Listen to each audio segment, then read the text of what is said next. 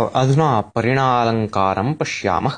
कुवलयानन्दे एकविंशतितमे श्लोके परिणामः क्रियार्थश्चेद्विषयी विषयात्मना प्रसन्नेन दृगब्जेन वीक्षते मधिरे मदिरेक्षणा परिणामः क्रियार्थश्चेत् विषयी विषयात्मना अन्वयम् एवं कर्तुं शक्नुमः विषयी विषयात्मना विषयो नाम वर्ण्यः विषयी नाम वर्णने उपयुज्यमानम् अन्यत् वस्तु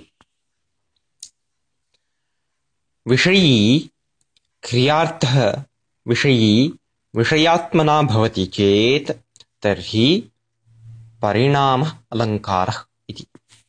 उदाहरणं त्वत्र प्रसन्नेन दृगब्जेन। प्रसन्नेन नेत्रकमलेन वीक्षते मधिरे मदिरेक्षणा इति। अत्र अब्जन्तु न द्रष्टुं शक्नोति।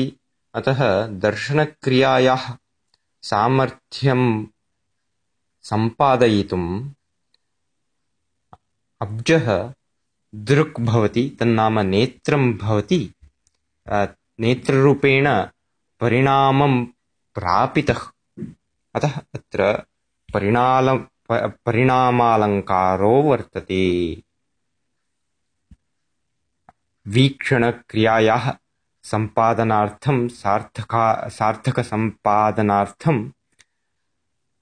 विषय्याः विषयी विषयिणः विषयात्मना परिणामः दृश्यते